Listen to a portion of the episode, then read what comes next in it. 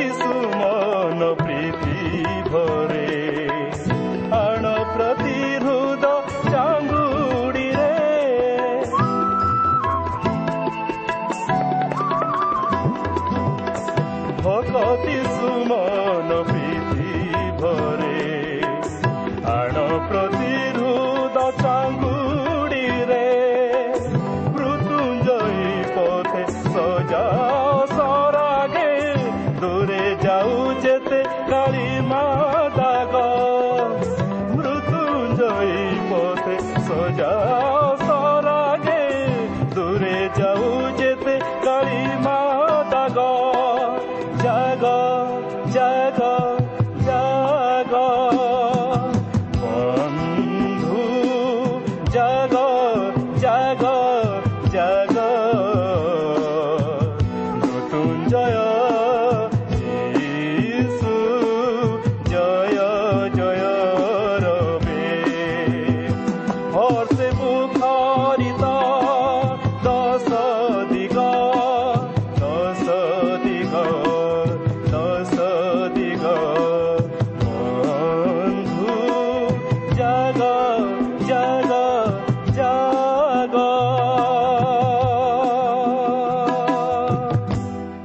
ପ୍ରିୟ ଶ୍ରୋତା ବନ୍ଧୁ ଆଜିର ଏହି ଶୁଭ ଅବସରରେ ଆମମାନଙ୍କର ସୃଷ୍ଟିକର୍ତ୍ତା ତଥା ଉଦ୍ଧାରକର୍ତ୍ତା ପ୍ରଭୁ ଶ୍ରୀକୃଷ୍ଣଙ୍କ ବହୁମୂଲ୍ୟ ନାମରେ ଶୁଭେଚ୍ଛା ଜଣାଇ ଆଜିର ଏହି ପଥ ପ୍ରଦର୍ଶିକା କାର୍ଯ୍ୟକ୍ରମରେ ଅଂଶ ହେବା ନିମନ୍ତେ ଆପଣଙ୍କୁ ସ୍ୱାଗତ ଜଣାଏ। ଆପଣ ଆପଣଙ୍କର ବହୁମୂଲ୍ୟ ସମୟ ଦେଇଥିବାରୁ ଆମେ ବିଶେଷ ଖୁସି କେବଳ ସେତିକି ନୁହେଁ ଆପଣଙ୍କର ହୃଦୟସ୍ପର୍ଶୀ ସାକ୍ଷ୍ୟ ନିମନ୍ତେ ବିଶେଷ ଧନ୍ୟବାଦ। ଆପଣଙ୍କର ଅନୁରୋଧ ରକ୍ଷା କରି ଆମେ ମଧ୍ୟ ଆପଣଙ୍କ ନିମନ୍ତେ ପ୍ରାର୍ଥନା କରୁଅଛୁ। ଆଉ ସେହି ପ୍ରଭୁ ଯୀଶୁ ନିଶ୍ଚିତ ଭାବରେ ଆପଣଙ୍କର ସମସ୍ୟା ସମାଧାନ କରିବେ। ଆସନ୍ତୁ ତାହେଲେ ପ୍ରଭୁଙ୍କର ବାକ୍ୟ ମଧ୍ୟକୁ ଯିବା ପୂର୍ବରୁ ପ୍ରାର୍ଥନାର ସହିତ ପ୍ରଭୁଙ୍କ ବାକ୍ୟର ନିକଟବର୍ତ୍ତୀ ହେବା। ଆସନ୍ତୁ ପ୍ରାର୍ଥନା କରିବା।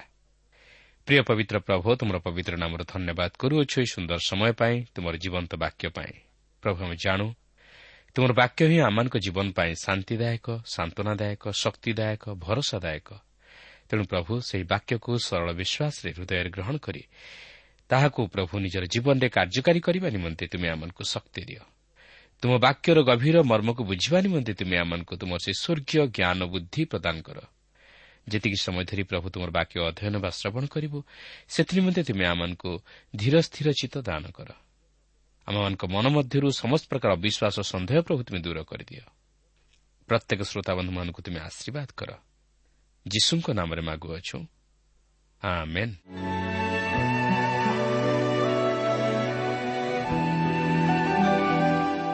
ଆସନ୍ତୁ ବର୍ତ୍ତମାନ ଆମେ ପ୍ରଭୁଙ୍କର ବାକ୍ୟ ମଧ୍ୟକୁ ଯିବା।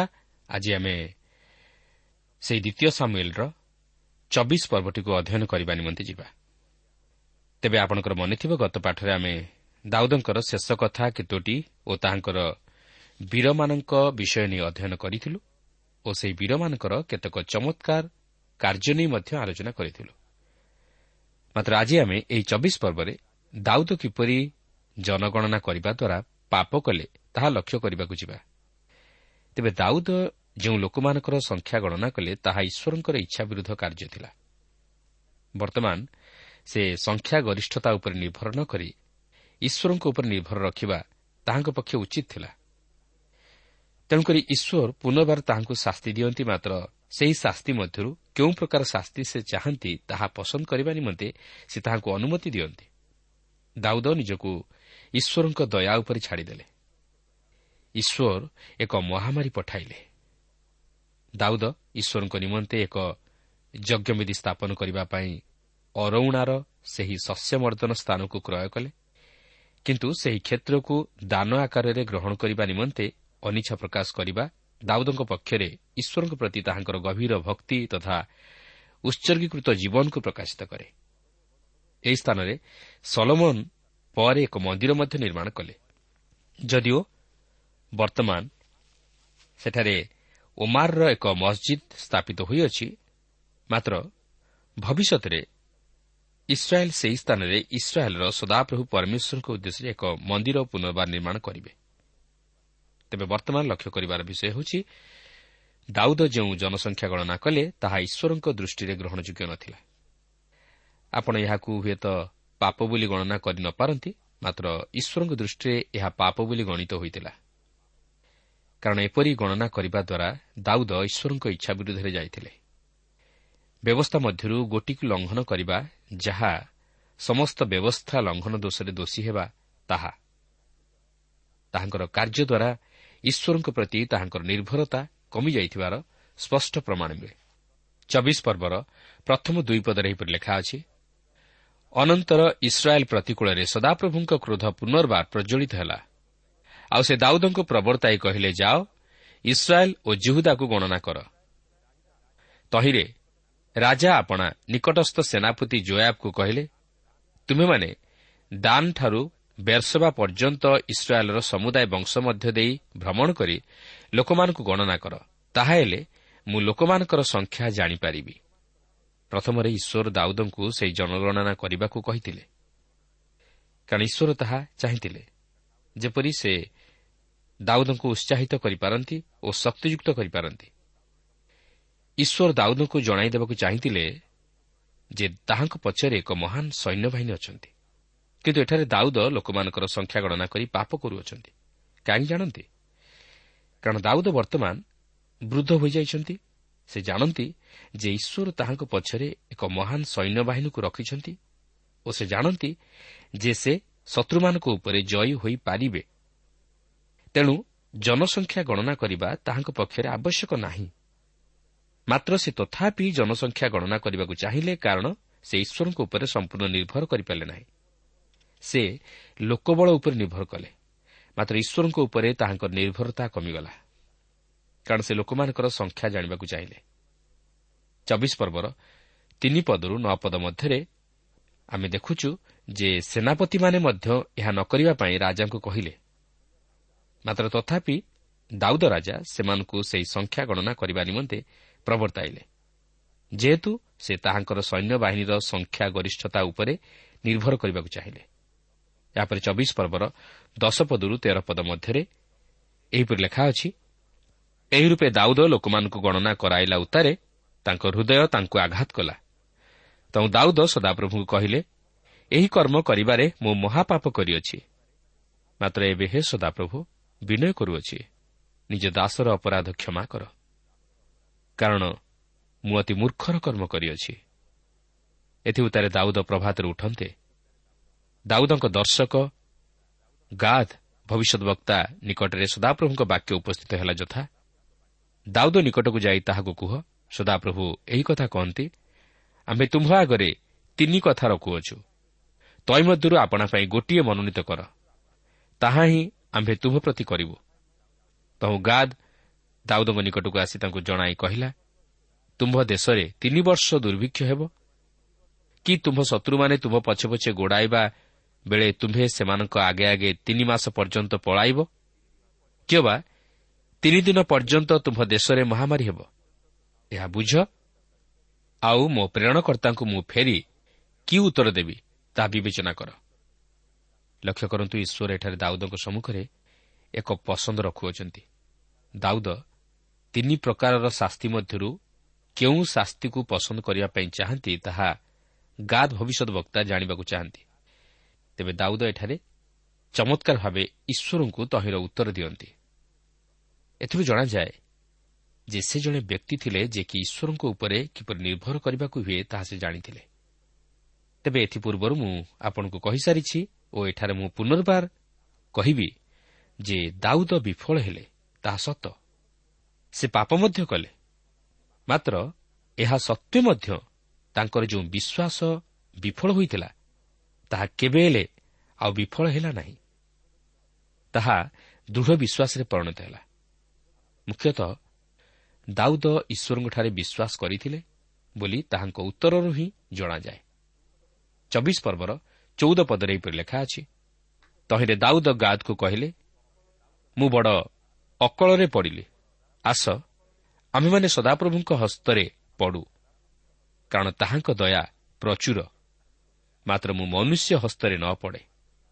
ଈଶ୍ୱର ଦାଉଦଙ୍କ ନିକଟରେ ତିନୋଟି ପସନ୍ଦ ରଖିଥିଲେ ଓ ସେହି ତିନୋଟି ମଧ୍ୟରୁ ସେ କେଉଁ ଗୋଟିକୁ ପସନ୍ଦ କରୁଅଛନ୍ତି ତାହା ସେ ଜାଣିବାକୁ ଚାହିଁଥିଲେ। କିନ୍ତୁ ଦାଉଦ ସେହି ତିନୋଟି ଯାକ ଶାସ୍ତି ମଧ୍ୟରୁ କୌଣସି ଗୋଟିକୁ ମଧ୍ୟ ପସନ୍ଦ କରିନଥିଲେ। କିନ୍ତୁ ତହିଁ ପରିବର୍ତ୍ତେ ସେ କହିଥିଲେ ମୁଁ ପଛେ ସଦାପ୍ରଭୁଙ୍କ ହସ୍ତରେ ପଡ଼େ ମାତ୍ର ମନୁଷ୍ୟ ହସ୍ତରେ ନ ପଡ଼େ। ବାସ୍ତବରେ ପ୍ରିୟ ବନ୍ଧୁ ଆମ୍ଭେମାନେ କେବେ ହେଲେ ମନୁଷ୍ୟ ହସ୍ତରେ ପଡ଼ିବାକୁ ଚେଷ୍ଟା ନ କରୁ।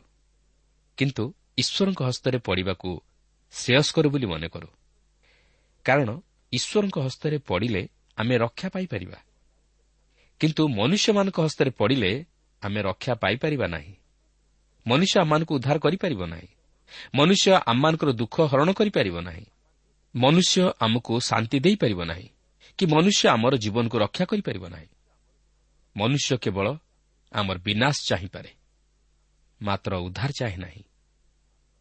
କିନ୍ତୁ ଦୁଃଖର ବିଷୟ ଆଜି ଅନେକ ଏହିପରି ଈଶ୍ୱରଙ୍କର ସେବକମାନେ ଅଛନ୍ତି। ଯେଉଁମାନେ ମନୁଷ୍ୟମାନଙ୍କୁ ସନ୍ତୁଷ୍ଟ କଲା ଭଳି କାର୍ଯ୍ୟ କରିବାକୁ ଚାହାନ୍ତି ଓ ମନୁଷ୍ୟର କଥାରେ ଚାଲନ୍ତି।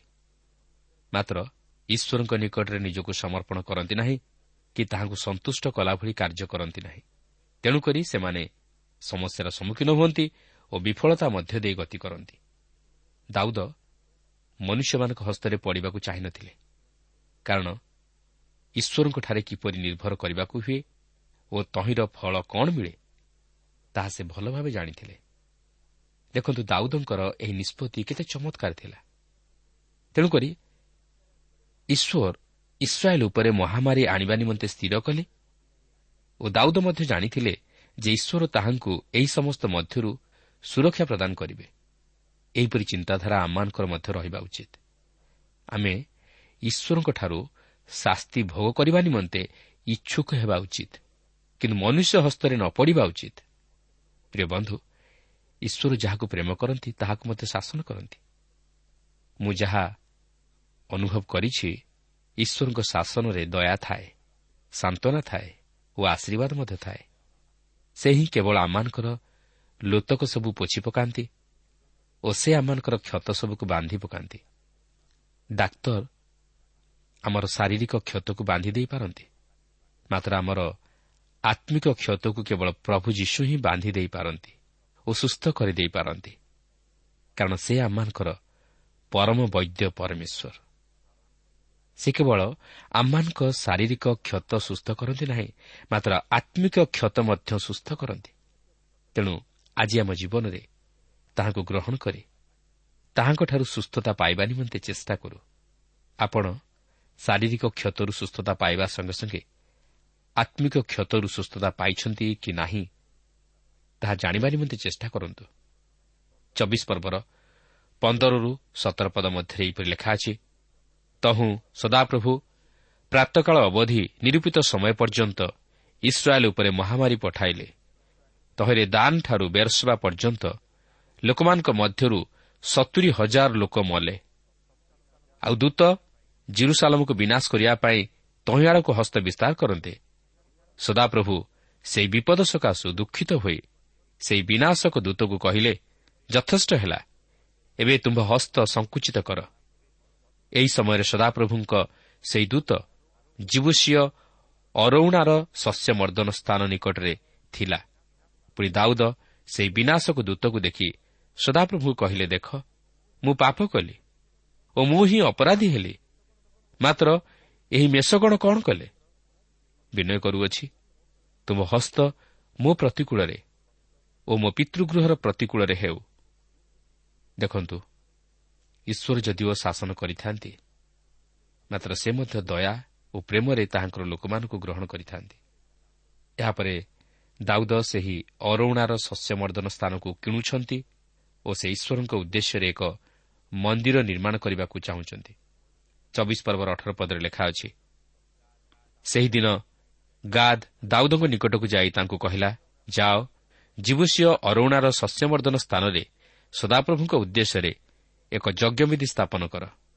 ଦେଖନ୍ତୁ ଅରଉଣା ଜୀବୁଷୀୟ ଲୋକ ଥିଲା କିନ୍ତୁ ସେ ଇସ୍ରାଏଲୀୟ ନଥିଲା। ଏହାପରେ ଚବିଶ ପର୍ବର ଉଣେଇଶ ପଦରୁ ଏକୋଇଶ ପଦ ମଧ୍ୟରେ ଲେଖା ଅଛି ତେଣୁ ଦାଉଦ ସଦାପ୍ରଭୁଙ୍କ ଆଜ୍ଞା ପ୍ରମାଣେ ଗାଦର ବାକ୍ୟ ଅନୁସାରେ ଉଠିଗଲେ।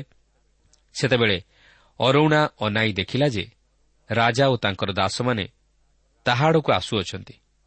ତହିଁରେ ଅରଉଣା ବାହାରେ ଆସି ରାଜାଙ୍କ ନିକଟରେ ମୁହଁ ମାଡ଼ି ଭୂମିଷ୍ଠ ପ୍ରଣାମ କଲା। ପୁଣି ଅରୁଣା ପଚାରିଲା ମୋ ପ୍ରଭୁ ମହାରାଜ ଆପଣା ଦାସ ନିକଟକୁ କି ନିମନ୍ତେ ଆସିଲେ? ତହିଁରେ ଦାଉଦ କହିଲେ ଲୋକମାନଙ୍କ ମଧ୍ୟରୁ ଯେପରି ମହାମାରୀ ନିବୃତ୍ତ ହେବ ଏଥିପାଇଁ ସଦାପ୍ରଭୁଙ୍କ ଉଦ୍ଦେଶ୍ୟରେ ଏକ ଯଜ୍ଞବେଦୀ ନିର୍ମାଣ କରିବା କାରଣ ତୁମ୍ଭଠାରୁ ଶସ୍ୟମର୍ଦ୍ଦନ ସ୍ଥାନ କିଣିବାକୁ ଆସିଲି। ଦାଉଦ ଏଠାରେ ସେହି ସ୍ଥାନର ଆବଶ୍ୟକତାର ବିଷୟକୁ ନେଇ ବୁଝାଇ ଦିଅନ୍ତି। ଯେପରି ସେହି ସ୍ଥାନ ନିମନ୍ତେ ଅରଉଣା ନିଜର ଅନିଚ୍ଛା ପ୍ରକାଶ ନ କରେ। ଏହାପରେ ଚବିଶ ପର୍ବର ବାଇଶରୁ ପଚିଶ ପଦ ମଧ୍ୟରେ ଏପରି ଲେଖା ଅଛି ତହୁଁ ଅରଉଣା ଦାଉଦଙ୍କୁ କହିଲା ମୋ ପ୍ରଭୁ ମହାରାଜାଙ୍କୁ ଯାହା ଭଲ ଦିଶେ ତାହା ନେଇ ସଦାପ୍ରଭୁଙ୍କ ଉଦ୍ଦେଶ୍ୟରେ ଉତ୍ସର କରନ୍ତୁ। ଦେଖନ୍ତୁ ହୋମବଳି ନିମନ୍ତେ ଏହି ବୃଷ ସବୁ ଓ କାଷ୍ଠ ନିମନ୍ତେ ଏହି ମର୍ଦ୍ଦନ ଯନ୍ତ୍ର ଓ ବୃଷମାନଙ୍କ ସାଜ ଅଛି। ହେ ମହାରାଜ ଅରଉଣା ଏ ସମସ୍ତ ମହାରାଜାଙ୍କୁ ଦେଉଅଛି। ଆହୁରି ଅରଉଣା ରାଜାଙ୍କୁ କହିଲା ସଦାପ୍ରଭୁ ଆପଣଙ୍କ ପରମେଶ୍ୱର ଆପଣଙ୍କୁ ଗ୍ରହଣ କରନ୍ତୁ। ତହିଁରେ ରାଜା ଅରଣାଙ୍କୁ କହିଲେ ନା ମାତ୍ର ମୁଁ ଅବଶ୍ୟ ମୂଲ୍ୟ ଦେଇ ତୁମ୍ଭଠାରୁ ଏସବୁ କିଣିବି। ଆଉ ମୁଁ ସଦାପ୍ରଭୁ ମୋ ପରମେଶ୍ୱରଙ୍କ ଉଦ୍ଦେଶ୍ୟରେ ବିନା ମୂଲ୍ୟରେ ହୋମବଳି ଉତ୍ସର କରିବି ନାହିଁ। ତହୁଁ ଦାଉଦ ପଞ୍ଚାଶ ସେକଲ ରୂପାରେ ସେହି ଶସ୍ୟମର୍ଦ୍ଦନ ସ୍ଥାନ ଓ ବୃଷ ସବୁ କିଣିଲେ। ପୁଣି ଦାଉଦ ସେହି ସ୍ଥାନରେ ସଦାପ୍ରଭୁଙ୍କ ଉଦ୍ଦେଶ୍ୟରେ ଏକ ଯଜ୍ଞବେଦୀ ନିର୍ମାଣ କରି ହୋମବଳି ଓ ମଙ୍ଗଳାର୍ଥକ ବଳି ଉତ୍ସର କଲେ। ତହିଁରେ ସଦାପ୍ରଭୁ ପ୍ରାର୍ଥନା ଶୁଣି ଦେଶ ପ୍ରତି ପ୍ରସନ୍ନ ହେଲେ ପୁଣି ଇସ୍ରାଏଲ୍ ମଧ୍ୟରୁ ମହାମାରୀ ନିବୃତ୍ତ ହେଲା। ଏଠାରେ ଆମେ ଏକ ଚମତ୍କାର ବିଷୟ ଦାଉଦଙ୍କ ଜୀବନରେ ଲକ୍ଷ୍ୟ କରୁଅଛୁ। ଦାଉଦ ଅରୁଣାଠାରୁ ସେହି କ୍ଷେତ୍ର ବିନା ମୂଲ୍ୟରେ ଗ୍ରହଣ କରିବା ନିମନ୍ତେ ରାଜି ହେଉନାହାନ୍ତି। ମାତ୍ର ସେ ସେହି କ୍ଷେତ୍ରକୁ ଅର୍ଥ ଦେଇ କିଣିବାକୁ ଚାହୁଁଛନ୍ତି। କାରଣ ସେ ଈଶ୍ୱରଙ୍କ ନିମନ୍ତେ ବିନା ମୂଲ୍ୟରେ କୌଣସି କାର୍ଯ୍ୟ ସମ୍ପାଦନ କରିବା ପାଇଁ ଚାହାନ୍ତି ନାହିଁ। ମାତ୍ର ତହିଁ ନିମନ୍ତେ ମୂଲ୍ୟ ଦେଇ ତାହା ସାଧନ କରିବା ପାଇଁ ଚାହାନ୍ତି। ଦେଖନ୍ତୁ ଅରୁଣାର ପ୍ରତି ଦାଉଦଙ୍କର ପ୍ରତ୍ୟୁତ୍ତର ସେ କହନ୍ତି ମାତ୍ର ମୁଁ ଅବଶ୍ୟ ମୂଲ୍ୟ ଦେଇ ତୁମ୍ଭଠାରୁ ଏସବୁ କିଣିବି ଆଉ ମୁଁ ସଦାପ୍ରଭୁ ମୋ ପରମେଶ୍ୱରଙ୍କ ଉଦ୍ଦେଶ୍ୟରେ ବିନା ମୂଲ୍ୟରେ ହୋମବଳି ଉତ୍ସର କରିବି ନାହିଁ। ଏହା ହିଁ ଥିଲା ଈଶ୍ୱରଙ୍କ ପ୍ରତି ଦାଉଦଙ୍କର ବିଶ୍ୱସ୍ତତା ଭକ୍ତି ଓ ନିର୍ଭରଶୀଳତାର ଜୀବନ। ସେ ଈଶ୍ୱରଙ୍କ ନିମନ୍ତେ ଏପରି କୌଣସି କାର୍ଯ୍ୟ କରିବାକୁ ଚାହାନ୍ତି ନାହିଁ ଜହି ନିମନ୍ତେ କୌଣସି ମୂଲ୍ୟ ଦେବାକୁ ନ ପଡ଼େ। ତେଣୁକରି ସେ ପଚାଶ ସେକଲ ରୂପା ଦେଇ ସେହି ଶସ୍ୟମର୍ଦ୍ଦନ ସ୍ଥାନ ଓ ବୃଷ ସବୁ କିଣିଲେ। ପ୍ରିୟ ବନ୍ଧୁ ଈଶ୍ୱରଙ୍କ ଉଦ୍ଦେଶ୍ୟରେ କିଛି ଅର୍ଥ ଦାନ କରନ୍ତୁ କିମ୍ବା ଈଶ୍ୱରଙ୍କ ସେବା ନିମନ୍ତେ ସାହାଯ୍ୟ କରନ୍ତୁ କିମ୍ବା ତାହାଙ୍କ ସେବକମାନଙ୍କର ଅଭାବ ମୋଚନ କରନ୍ତୁ ତାହେଲେ ଈଶ୍ୱର ଆପଣଙ୍କୁ ଆଶୀର୍ବାଦ କରିବେ। ଆଜି ଅନେକ ଖ୍ରୀଷ୍ଟ ବିଶ୍ୱାସୀମାନେ ଈଶ୍ୱରଙ୍କ ଉଦ୍ଦେଶ୍ୟରେ କିଛି ଦିଅନ୍ତି ନାହିଁ ମାତ୍ର କେବଳ ପ୍ରାର୍ଥନା କରନ୍ତି ଓ ତହିଁ ପରିବର୍ତ୍ତେ ଈଶ୍ୱରଙ୍କଠାରୁ କେବଳ ମାଗନ୍ତି। କିନ୍ତୁ ଈଶ୍ୱରଙ୍କ ନିମନ୍ତେ କିଛି ଦିଅନ୍ତି ନାହିଁ। ଏପରିକି ଈଶ୍ୱରଙ୍କ ସେବା ନିମନ୍ତେ ନିଜର ସ୍ୱାର୍ଥତା କରିବାକୁ ମଧ୍ୟ ଚାହାନ୍ତି ନାହିଁ। ଏପରିକି ଈଶ୍ୱର ଦେଇଥିବା ଉତ୍ତମ ଉତ୍ତମ ଦାନକୁ ଅର୍ଥ ବିନିମୟରେ ଈଶ୍ୱରଙ୍କ ଉଦ୍ଦେଶ୍ୟରେ ବ୍ୟବହାର କରନ୍ତି। ଜଣେ ଉତ୍ତମ କଣ୍ଠଶିଳ୍ପୀ ବିନା ଅର୍ଥରେ ଈଶ୍ୱରଙ୍କ ଉଦ୍ଦେଶ୍ୟରେ ବ୍ୟବହାର କରିବା ପାଇଁ କୁଣ୍ଠାବୋଧ କରେ। ସେହିପରି ଜଣେ ଉତ୍ତମ ବାଦ୍ୟକାର ବିନା ଅର୍ଥରେ ପ୍ରଭୁଙ୍କ ଉଦ୍ଦେଶ୍ୟରେ ବ୍ୟବହାର କରିବାକୁ ଚାହେଁ ନା। ମନୁଷ୍ୟ ଆଜି ପ୍ରଭୁଙ୍କ ନିମନ୍ତେ ଯାହା କିଛି କରେ ସେଥିନିମନ୍ତେ ତହିଁର ପ୍ରତିଦାନ ଚାହେଁ। କିନ୍ତୁ ଦେଖନ୍ତୁ ଦାଉଦ ତହିଁ ନିମନ୍ତେ କିଛି ଚାହିଁନଥିଲେ ମାତ୍ର ସେ ତହିଁ ପରିବର୍ତ୍ତେ ମୂଲ୍ୟ ଦେଇ ସେହି କ୍ଷେତ୍ର କ୍ରୟ କରିଥିଲେ। କିନ୍ତୁ ଆଜି ଆମେ କ'ଣ ସେହି ଅରୁଣା ପରି ପ୍ରଭୁଙ୍କ ଉଦ୍ଦେଶ୍ୟରେ କିଛି ଦାନ କରିପାରିଛୁ ନା ଦାଉଦଙ୍କ ପରି ପ୍ରଭୁଙ୍କ ନିମନ୍ତେ ଅର୍ଥ ଦେଇ ଓ ତ୍ୟାଗ ସ୍ୱୀକାର କରି କିଛି ଉତ୍ତମ କାର୍ଯ୍ୟମାନ ସାଧନ କରିପାରିଛୁ? ଆମେ କ'ଣ ପ୍ରଭୁଙ୍କ ନିମନ୍ତେ ଏପରି କୌଣସି କାର୍ଯ୍ୟ କରୁଛୁ ଯାହାର କି ମୂଲ୍ୟ କିଛି ନାହିଁ ବା ମୂଲ୍ୟ ଦେବାକୁ ପଡ଼ୁନାହିଁ କିନ୍ତୁ ଆମେ ଦାଉଦଙ୍କ ପରି ମୂଲ୍ୟ ଦେଇ ପ୍ରଭୁଙ୍କ ନିମନ୍ତେ କିଛି ସାଧନ କରିବାକୁ ଚେଷ୍ଟା କରୁ। ହୋଇପାରେ ସମୟର ମୂଲ୍ୟ ବା ଈଶ୍ୱର ଯେଉଁ ସମସ୍ତ ଦାନ ଦେଇଛନ୍ତି ସେହି ଦାନର ମୂଲ୍ୟ ବା ଅର୍ଥ ମୂଲ୍ୟ ଦେଇ ପ୍ରଭୁଙ୍କ ଉଦ୍ଦେଶ୍ୟରେ ନିଜକୁ ନିୟୋଜିତ କରୁ। ତାହେଲେ ପ୍ରଭୁଙ୍କ ନିକଟରେ ବିଶେଷ ଗ୍ରହଣଯୋଗ୍ୟ ହେବ। ପ୍ରଭୁ ମଧ୍ୟ ବହୁଳ ଭାବେ ଆପଣଙ୍କୁ ଆଶୀର୍ବାଦ କରିବେ। ଦେଖନ୍ତୁ ଦାଉଦଙ୍କର ଏପରି କାର୍ଯ୍ୟରେ ସଦାପ୍ରଭୁ ଦେଶ ପ୍ରତି ପ୍ରସନ୍ନ ହେଲେ ଓ ଦେଶରୁ ମହାମାରୀ ଦୂର ହେଲା। ପ୍ରିୟ ବନ୍ଧୁ ଆଜି ଆମମାନଙ୍କର ପ୍ରଭୁଙ୍କ ପ୍ରତି ବିଶ୍ୱସ୍ତତା ଓ କର୍ତ୍ତବ୍ୟ ପରାୟଣତା ନେଇ ଆମେ ଆଶୀର୍ବାଦ ପାଇବା ସଙ୍ଗେ ସଙ୍ଗେ ଆମର ପରିବାର ସମାଜ ତଥା ଦେଶ ମଧ୍ୟ ଆଶୀର୍ବାଦର ଅଧିକାରୀ ହୁଏ। ଦେଶ ମଧ୍ୟରୁ ସମସ୍ୟା ଦୂର ହୁଏ। ମହାମାରୀ ଦୁର୍ଭିକ୍ଷ ପ୍ରଭୃତି ଦୂର ହୁଏ। କିନ୍ତୁ ଆମେ କ'ଣ ନିଜର ଜୀବନ ନିମନ୍ତେ ସଚେତନ ଅଛୁ କି? ଆଜି ଯଦି ମୁଁ ଜଣେ ଦେଶର ନେତା ତାହେଲେ ମୋର ପ୍ରଭୁଙ୍କ ପ୍ରତି ବିଶ୍ୱସ୍ତତା ଓ କର୍ତ୍ତବ୍ୟ ପରାୟଣତା ନେଇ ମୋହର ଦେଶ ସୁରକ୍ଷିତ ହେବ। ଆଜି ଯଦି ମୁଁ ଖ୍ରୀଷ୍ଟୀୟ ମଣ୍ଡଳୀର ଜଣେ ନେତା ତାହେଲେ ପ୍ରଭୁଙ୍କ ପ୍ରତି ମୋର ବିଶ୍ୱସ୍ତତା ଓ କର୍ତ୍ତବ୍ୟ ପରାୟଣତା ନେଇ ମୋର ମଣ୍ଡଳୀ ପରିବାର ଆଶୀର୍ବାଦଯୁକ୍ତ ହେବେ। ତେଣୁ ଆମେ ଯେ ଯେଉଁ କ୍ଷେତ୍ରରେ କାର୍ଯ୍ୟ କରୁନା କାହିଁକି ବା ଯେଉଁ ପଦବୀରେ ରହୁନା କାହିଁକି? ତହିଁରେ ବିଶ୍ୱସ୍ତ ରହିଲେ ଓ ପ୍ରଭୁଙ୍କ ପ୍ରତି ବିଶ୍ୱସ୍ତତା ଓ ଉପଯୁକ୍ତ କର୍ତ୍ତବ୍ୟ ସାଧନ କଲେ। ଆମ ଲାଗି ଆମ ପରିବାର ସମାଜ ଓ ଦେଶ ମଧ୍ୟ ପ୍ରଭୁଙ୍କଠାରୁ ଆଶୀର୍ବାଦ ପ୍ରାପ୍ତ ହେବେ ଓ ଦେଶ ମଧ୍ୟରୁ ସମସ୍ତ ମହାମାରୀ ଦୁର୍ଭିକ୍ଷ ମଧ୍ୟ ଘୁଞ୍ଚିଯିବ। ତେଣୁ ଆମେ ନିଜ ନିଜକୁ ପ୍ରଶ୍ନ କରୁ ଆଜି କ'ଣ ପ୍ରଭୁ ଯୀଶୁଙ୍କ ପ୍ରତି ମୋର ବିଶ୍ୱାସ ଅଛି କି? ମୁଁ କ'ଣ ପ୍ରଭୁ ଯୀଶୁଙ୍କ ଉପରେ ନିର୍ଭର କରେ କି?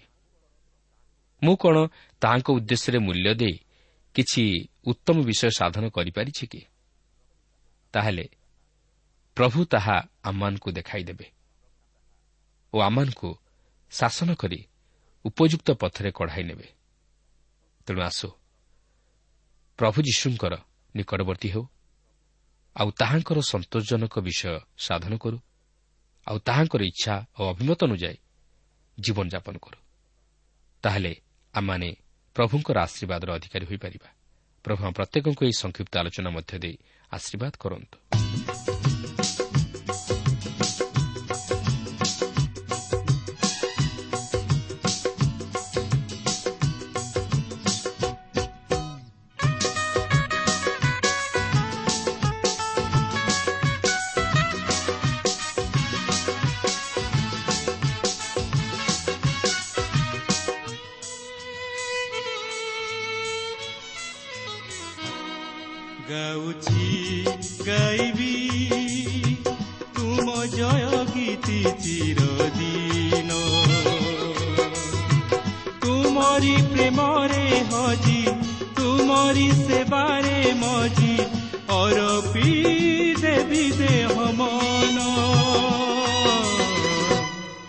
ଗାଉଛି ଗାଇବି ତୁମ ଜୟ ଗୀତି ଚିରଦିନ ତୁମ ଜୟ ଗୀତି ଚିରଦିନ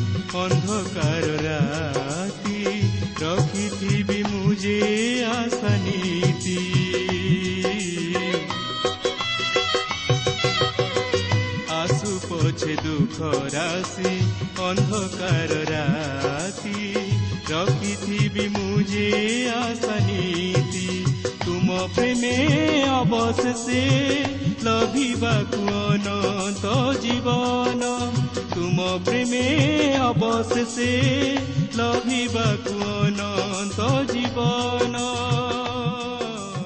ପ୍ରିୟ ଶ୍ରୋତା ଆମର କାର୍ଯ୍ୟକ୍ରମ ନିୟମିତ ଶୁଣୁଥିବାରୁ ଅଶେଷ ଧନ୍ୟବାଦ। ଆପଣ ଏହି କାର୍ଯ୍ୟକ୍ରମ ଶୁଣିବା ଦ୍ୱାରା ଆତ୍ମିକ ଜୀବନରେ ଉପକୃତ ହୋଇପାରିଥିବେ ବୋଲି ଆମର ବିଶ୍ୱାସ।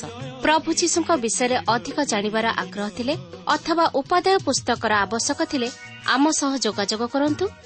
ଆମର ଠିକଣା ପଥ ପ୍ରଦର୍ଶିକା Trans World Radio India post box number ତିନି ତିନି ଭୁବନେଶ୍ୱର ସାତ ପାଞ୍ଚ ଏକ ଶୂନ ଶୂନ ଏକ mobile number nine seven double seven double two one four one five ଠିକଣାଟି ଆଉଥରେ ଶୁଣନ୍ତୁ ପଥ ପ୍ରଦର୍ଶିକା Trans World Radio India post box number three three Bhubaneswar seven five one zero zero one mobile number nine seven double seven double two one four one five ଆମର email ଆଡ୍ରେସଟି ଲେଖି ରଖନ୍ତୁ Odia TTV at radio eight eight two dot com ତେବେ ଆଜି ପାଇଁ ବିଦାୟ ଦିଅନ୍ତୁ। ନମସ୍କାର।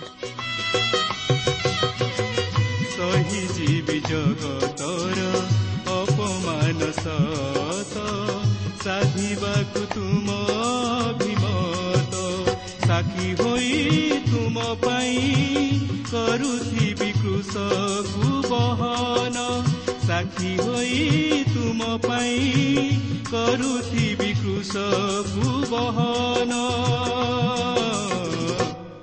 ଗାଉଛି ଗାଇବି ତୁମ ଜୟ ଗୀତି ଚିରଦିନ ତୁମରି ପ୍ରେମରେ ହଜି ତୁମରି ସେବାରେ ମଜି ଅରପି ଦେବି ଦେହ ମନ ଗାଉଛି ଗାଇବି ତୁମ ଜୟ ଗୀତି ଚିରଦିନ ତୁମ ଜୟ ଗୀତି ଚିରଦିନ ତୁମ ଜୟ ଗୀତି ଚିରଦିନ ତୁମ ଜୟ